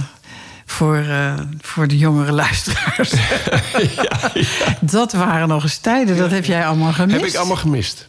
Ja, dat is toch wel wat hoor. Ja, ja, nee, van mijn twaalfde tot en met mijn achttiende was ik eh, weg. Je hebt echt iets gemist in Ja, ik, ik, ik, ik, eh, ik heb dat gehoord en begrepen. Ja. Heb je die verhalen wel eens gehoord? Ja, ik heb die zo- verhalen wel eens gehoord. Maar eh, ik, ik, om nou precies te vertellen welke verhalen... maar ik weet wel dat dat eh, leuke momenten zijn geweest... voor de Larense katholieke jeugd. Ja, dat was heel erg katholieke jeugd. En dan, en dan de, de oudere jongens vooral. En een heel enkel meisje die eh, paste dan op dat je niet al te intiem ging Ja. dansen. Ja. kwamen ze je even discreet, nou ja, discreet, op je schouder tikken. Mij nooit natuurlijk. Maar eh, nee, dit heb je allemaal gemist. Dat wil ik toch wel even zeggen hoor. Ja, maar ja. goed, jij hebt gesport, ook leuk. Was het, was het een beetje te eten de, wat je daar eh voorgeschoteld kreeg? Op die kostschool? Ik zou je... Dat was, was wisselend. Hmm. Eh, ik heb een paar jaar... heb ik geen... eh, het is wel leuk om te... geen gebakken eigenlust. Oh. Want als wij... We kregen natuurlijk nooit gebakken eieren... maar we- weet je wanneer we ze wel kregen? Dus wij, als je naar huis mocht voor het weekend... dat was zaterdags. eh, want we gingen ook nog zaterdags naar school. Dus zaterdags om half één eindigde dat. Had je eerst de lunch... En dan kreeg je, dus alleen dan als je naar huis ging... dus eens in de maand of eens in de zes weken... eh, kreeg je een gebakken ei op brood. Nou, nou. Maar wat wil, je, wat, wat wil het geval, Ineke? Er waren dus 300 jongens... eh, waren intern op, dat, op die kostschool. Dus er moesten 300 gebakken eitjes eh, zijn. Dus die kok die begon s ochtends om 10 uur... begon die eh, eitjes te bakken. En dan gingen het natuurlijk onder zo'n schaal. Kun je je voorstellen wat er gebeurt? Dan komt zo'n gebakken ei op je bord. En dan is dat, dat eigeel, dat is, dat is van zo'n karton. Weet je wel, van, dat is gewoon... Ja, dat ziet er niet meer uit en het smaakt ook niet meer. En mijn vader, mijn arme vader, mijn lieve vader... die overigens dus heel goed kon koken... eh, en die wist dat ik gek was op gebakken ijsjes. Weet je, dus de volgende dag dan. Dus we, gingen- maar we kwamen zondag, eh, zaterdagmiddag thuis. En moesten we zondagmiddag weer terug. Hè? En dan, eh, maar dan, dan bakte hij gebakken ijsjes voor Timo en voor Henk en voor Gera. En dan lustte ik geen gebakken meer. Want het was me zo tegengestaan. En was, dat vond ik ook zo zielig en vervelend voor hem. Maar ik heb jarenlang, ik vind het nu weer heerlijk... heb ik eh, ja, een, een beetje een gebakken ijssyndroom gehad van mijn kostschooltijd. Maar verder was het wel... eh, het was echt wel te eten, hoor. Het was natuurlijk... eh, ja, wel. Om nou te zeggen mopperen. Nee, nee. Ik heb daar weinig gebrek aan gezien. Maar het was natuurlijk echt gewoon lekker aardappel, vlees, jus, groente. Eh, en wel altijd een toetje. Ja, dat realiseer ik me nou ineens. Wel altijd een toetje. Dus eh, helemaal niet, eh, eh, niet mopperen. In, een goed, in de goede katholieke omgeving. Heer, zegen deze spijzen die, u, die wij van uw goedheid mogen ontvangen. Door Christus onze Heer. Nou, en dan, dan, dan, dan vielen wij aan. Eerder mocht er niet de vork nog mes geroerd worden. Nee. Keurig met tafelmanieren. Hè. Je kreeg ook tafelmanieren, Oh ja. les en zo. Nee, dus eh, ik mopper er echt niet op. Ik heb er de beste herinneringen aan. Ik, eh, dat vind ik fijn. Dat vind ik fijn om te horen. En ehm, wanneer ben jij... Want je bent natuurlijk op, eh, vrij, vrij snel in de makelaardij gegaan. Ja. Wanneer begon die makelaarsdroom voor jou? Nee, één ding was, stond eigenlijk wel vast. Eh, mijn oom was makelaar. Mijn vader was makelaar. Mijn oudste broer was makelaar. Mijn broer Henk, net boven mij, dus ook altijd met mij op kostschool... werd makelaar bij mijn vader. En één ding stond voor mij wel vast, dat ga ik niet doen. Het was ook niet een, een, een, een soort van roeping, maar ik vond ook, het, het zijn er wel genoeg. En, en dan denk je ook nog, ja, en, eh, bij wie dan en hoe? Eh, ja, moet je weer een eigen bedrijf beginnen. En, nou ja, dat, jongens, ik was eh, 20, 21, dus dat, dat, dat zat er ook om een eigen bedrijf te gaan beginnen in de makelaardij. Nee, ik wilde eerst andere dingen doen, dus ik ben een eh, jaar, dus na mijn studie, een jaar. Ja, wacht even, even terug dan. Van, van de kostschool ging je naar de, naar de, naar de Hoge Economische School. Hè, Op van- het Raamplein in Ja. Amsterdam. Welke richting? Of is dat één commerciële, richting? Nee, commerciële economie. Dus ik wilde de handel in. Ik, ben, eh, ik zou naar een handelsonderneming gaan, wat ik niet gedaan heb. Ik ben toen naar een klein handelsonderneming. Ik heb nog een paar maanden bij mijn schoonvader, dus, dus de houthandel, een paar maanden rondgehangen. ik kwam er niet helemaal uit eh, wat ik wilde doen, maar makelaardij eh, stond niet op mijn verlanglijstje. Maar had je een droom in die tijd? Dat je dacht, nou, ik wil handelaar worden. Ik wil veel geld verdienen. Of ik wil onder de mensen zijn. Of ik wil whatever. Nee, veel geld verdienen, dat heeft nooit, ja, dat, dat, dat heeft nooit een prioriteit gehad. Uh, nee, ik wist het gewoon niet. Mhm. Dus ik heb uh, wat, wat, wat handelsdingen gedaan uh, in, in, voor, voor vertegenwoordigingen. Chocola, ik weet nog wel, de baronie. Daarvoor ben ik nog in, in, in baronie chocola ben ik nog voor in Parijs geweest op een beurs. En dat soort dingen. Gewoon eens kijken, wat, wat, wat, wat ligt me. Bij de firma Sayet. Sayet, Sayet ja. Sayet. Dat, in ja. de chocola. Ja. En dat soort dingen. Maar... Uh, dat ik niet geschikt was voor een heel erg groot bedrijf, bedrijf met allemaal lagen. Dat voelde ik ook wel. Langzamerhand werd wel duidelijk dat ik zeg: Ja, Smit, jij moet niet carrière gaan lopen maken. Weet je, dat, dat, dat trok me niet. Dus, uh, en toen kwam mijn oudste broer die inmiddels in uh, Huizen, uh, vandaar ook dat ik in Huizen ben gaan wonen, in Huizen een eigen makelaarskantoor was begonnen. Toen nog heel klein. En die vroeg mij: Kom, uh, Timo, kom bij mij, joh. Want die, die had ruimte, die begon succesvol te worden. Uh, doe met me mee. En uh, toen ben ik het vak gaan leren natuurlijk, want de studie moest gedaan worden. Ja. En ja, zo ben ik in de makelaardij gerold. Toch eigenlijk, nou ik het zo zeg, merk ik dat ook dat weer gevraagd is. Verdikke me, ja. Dus dat was echt niet eens mijn eigen initiatief. Uh, dat was mijn broer Gijs. Die zegt, god, Timo, doe En zo is het eigenlijk met alles. Verdikken, daar word je gevraagd, ja. En dat was nu dus... En vond je het leuk? Meteen? Ik begon het hartstikke leuk te vinden. Nee, het, ik, ik, laat ik eerlijk zijn. Uh, dus ik wou het niet. Maar het werd hartstikke leuk. Zo dicht op de mensen. Zo, uh, je kunt zoveel kwijt in dat vak. Want ik deed ook, uh, dus niet alleen ja, het, het, het, pand, maar ik, ik vond dat als je een, met een pand, met een woning bezig bent, met mensen bezig bent, dan moet je ook die financiering doen.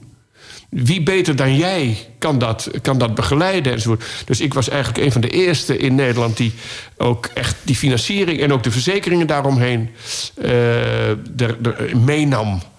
Uh, en dat ben ik, zo ben ik bij de NVM ook terechtgekomen. Want daar heb ik dan de hele uh, uh, zeg maar financieringstak van de, de, ook bezig zijn met financiering opgezet.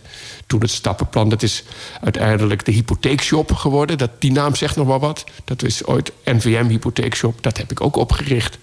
Omdat je, jij, een, een klant wil je dus eigenlijk helemaal uh, ja, bedienen. Als het, uh, misschien geen goed woord, maar als, daar, uh, als dat kon, dan ja, leverde ik het hele pakket aan diensten aan mijn klant. En dat vond ik fantastisch om te doen. Dat moet wel, want je hebt 40 jaar in dat vak gezeten. Ja, ja. ongelooflijk. Het, het groeide ook waanzinnig hard. Oh. Het werd, het werd mag ik zeggen, heel, heel succesvol. Christian Smit makelaars. Op enig moment waren we toch echt wel. He, dus uit, uit, uit, uit onze initiatieven en ook wel overnames. Want het, zal de mensen niet interesseren hoe dat dan precies is gegaan. Maar uiteindelijk resulteerde dat in het verreweg het grootste makelaarskantoor in het Gooi. Christian Smit makelaars. In Huizen? In Huizen, Hilversum, Laren. Uh, Hilversum was natuurlijk een hele grote uh, tak daarin. Dat, dat, was, dat was het bedrijf wat oorspronkelijk door mijn oom uh, was opgericht. En dat hebben wij overgenomen.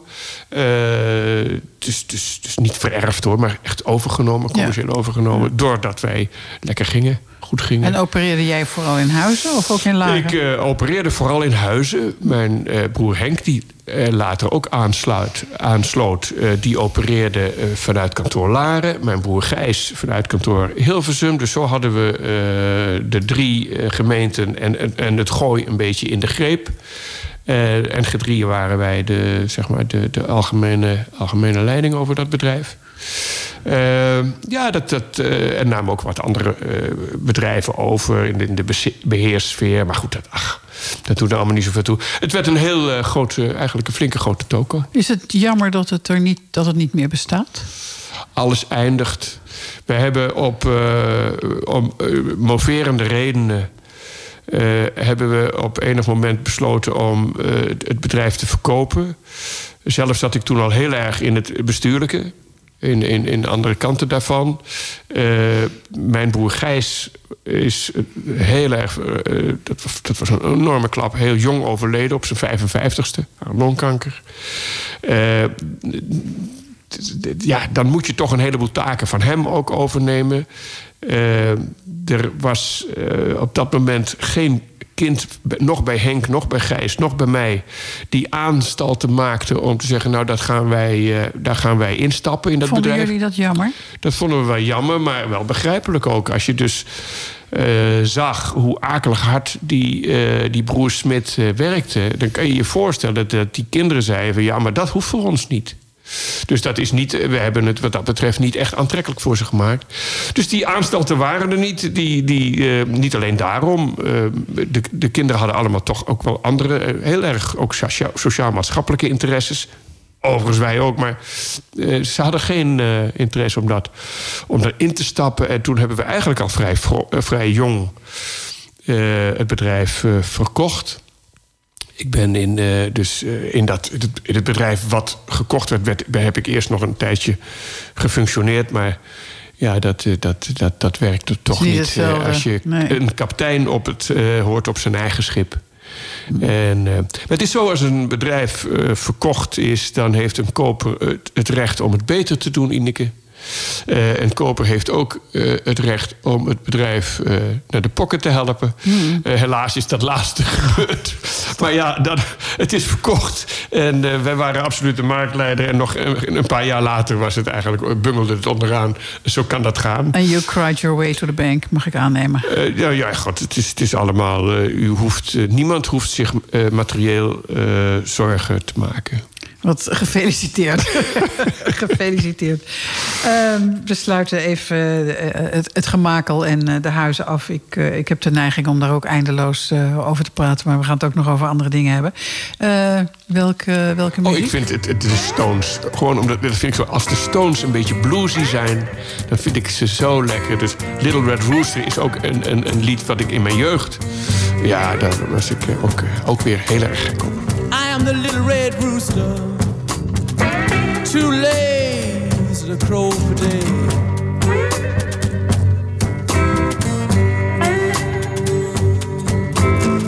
I am the little red rooster, too lazy to crow for day.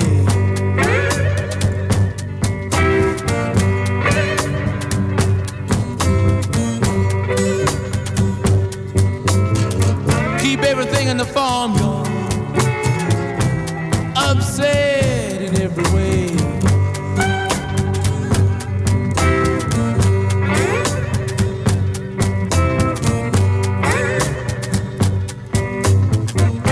dogs begin to bark, hounds begin to howl.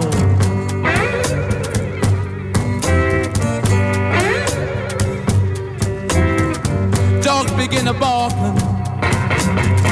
hounds begin to howl.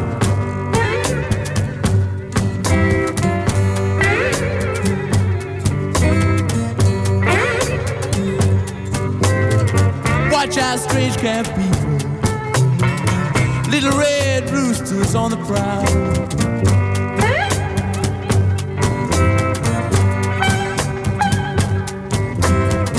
If you see my little red rooster, please drive him home.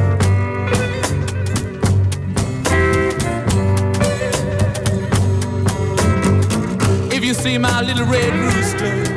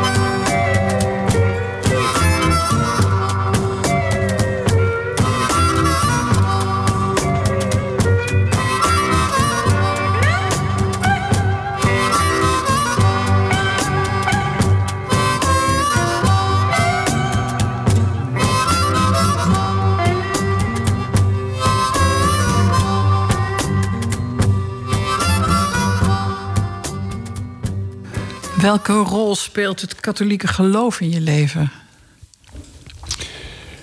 Ja, ik moet nou niet het heilige boontje lopen uithangen. Van eh, dat ik dus eh, dagelijks eh, met het geloof bezig zou zijn.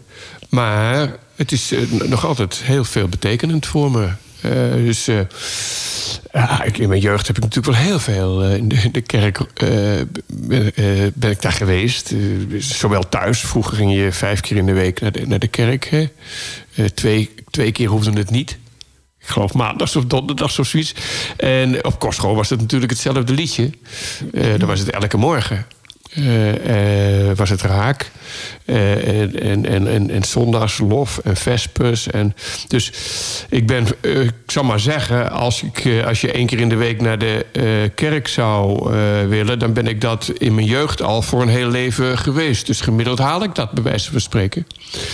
Maar nog steeds. Eh, eh, kom ik in de kerk. Nu natuurlijk niet. Nu vind ik dat. eh, eh, je kunt er maar met een paar mensen naartoe. Dan vind ik dat ik daar geen recht op heb. Dus ik wacht weer rustig. Ik gun het heel erg graag aan degene die, eh, bij wie het dichterbij hoort. Hè, bij wie het nog meer, of veel meer eigenlijk, dan bij mij hoort. Eh, dus ik wacht eh, weer af tot de corona voorbij is. Maar dan zal ik zeker weer de kerkengang gaan maken. Maar, zeker, maar niet, pas op, hè, niet, niet elke week. Maar toch echt wel op regelmatige basis. En dan met name de Romeinse liturgie, dus de Romeinse mis. Ja, ook vermoedelijk. eh, dat, omdat ik dan niet word afgeleid door het Nederlands, zou ik maar zeggen. Want dan kan ik weer als jongetje eigenlijk dromen.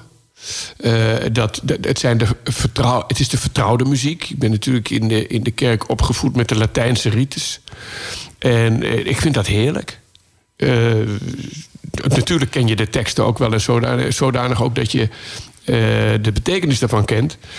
Maar vooral kan ik er wat meer bij wegdromen.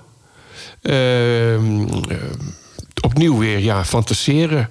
Eh, om dat te zeggen, geloof, waar geloof ik nou precies in? Ik, ik ben. eh, ik, laat, ik kan misschien beter zeggen, ik heb het geloof zeker niet afgezworen. En ik hou van traditie. Biedt het houvast? Ja, het biedt houvast.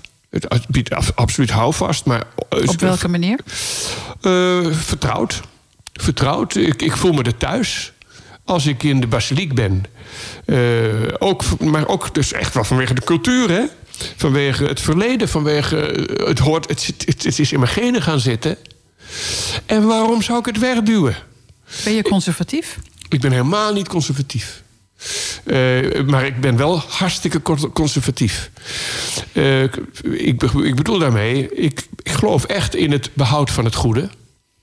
Maar sta totaal open en voortdurend open voor nieuwe ontwikkelingen. En misschien dat ik dat maatschappelijk ook wel heb eh, laten zien.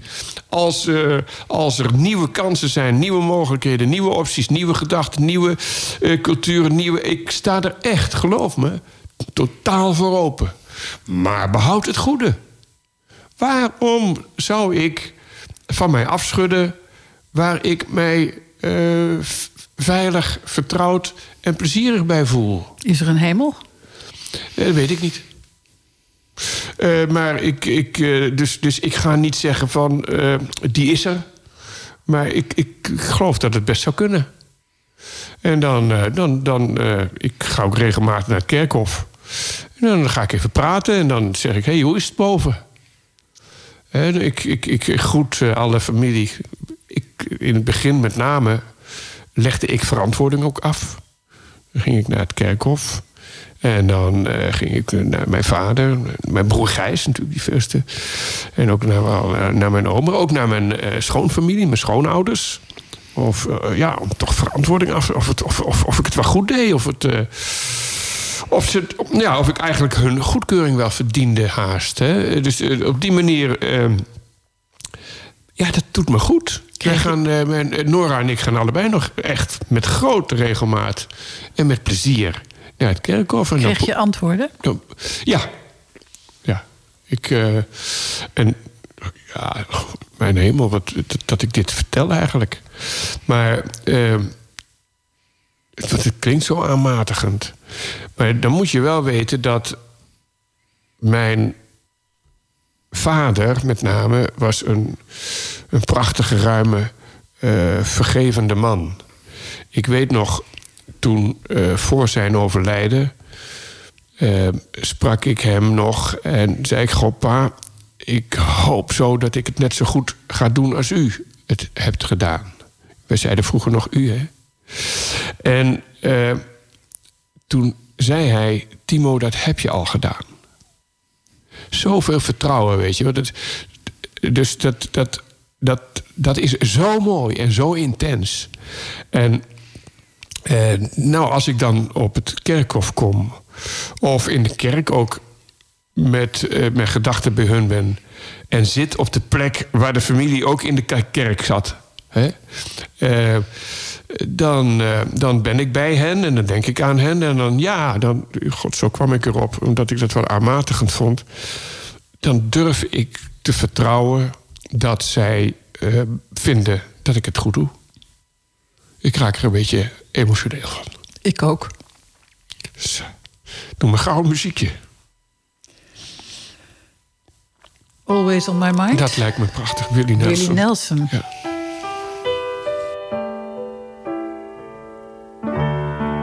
Maybe I didn't love you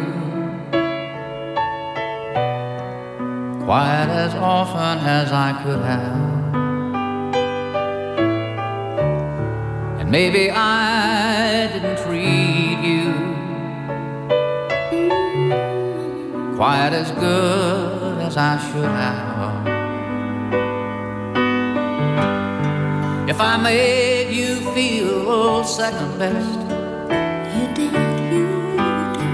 Girl, I'm sorry I was blind. You were always on my mind. You were always on my mind. And maybe I didn't hold you all those lonely, lonely times. I guess I never told you I'm so happy that you're mine. Little things I should have said and done. I just never took the time. But you were always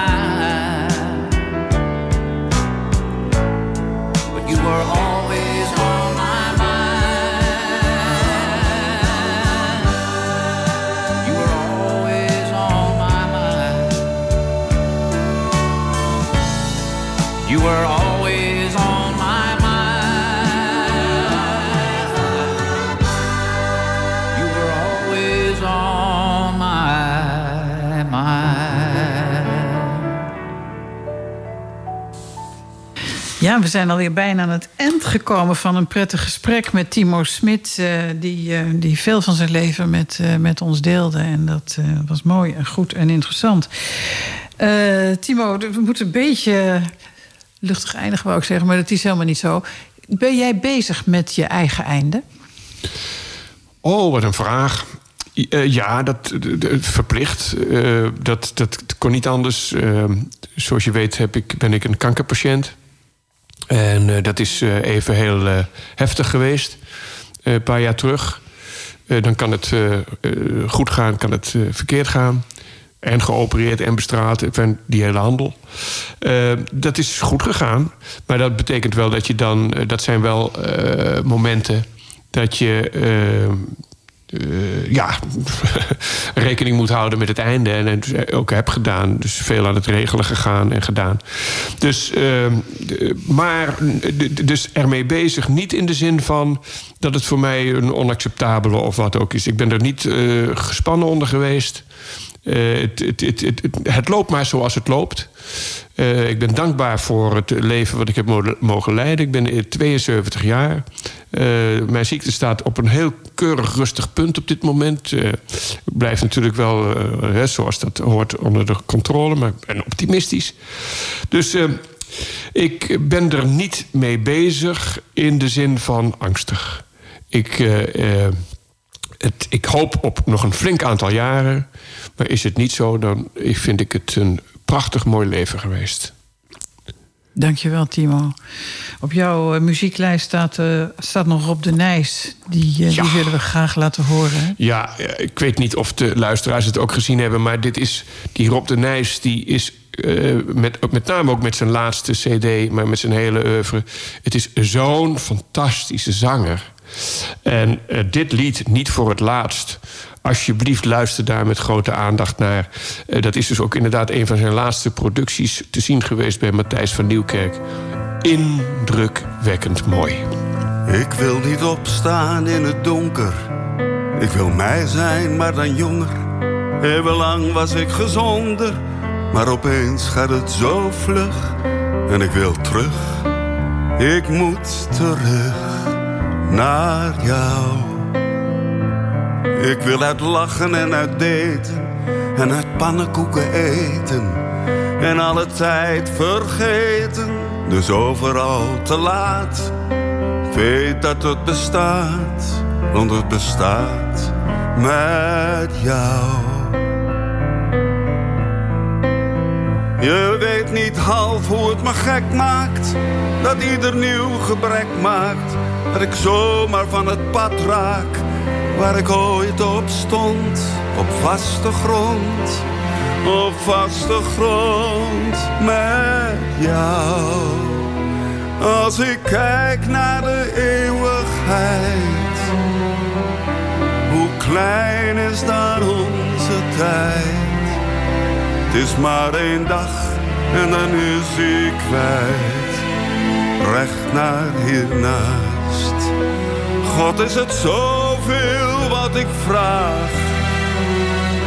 Geef me gisteren in ruil voor vandaag zodat ik jou weer voor het eerst mag zien. En niet voor het laatst, niet voor het laatst. Ik dacht toen ik jou pas zag, ik hou voor altijd deze dag vast. Jouw ogen en jouw glimlach in mijn hart, mijn dom, dom hart, dicht bij jou. Mm, zo dicht bij jou. Ook al deed ik het verkeerd, ik wil mijn fouten nog een keer, omdat ik honger heb naar meer. Ik heb nog niet genoeg geleerd, het meeste niet, het meeste niet van jou. Alles wat we weten, nog een keer pannenkoeken eten. Zeggen wat ons heeft gespeten, alle tranen van verdriet, dat verdriet. En wat niet met jou, als je kijkt naar de eeuwigheid. Hoe klein is dan onze tijd, het is maar een dag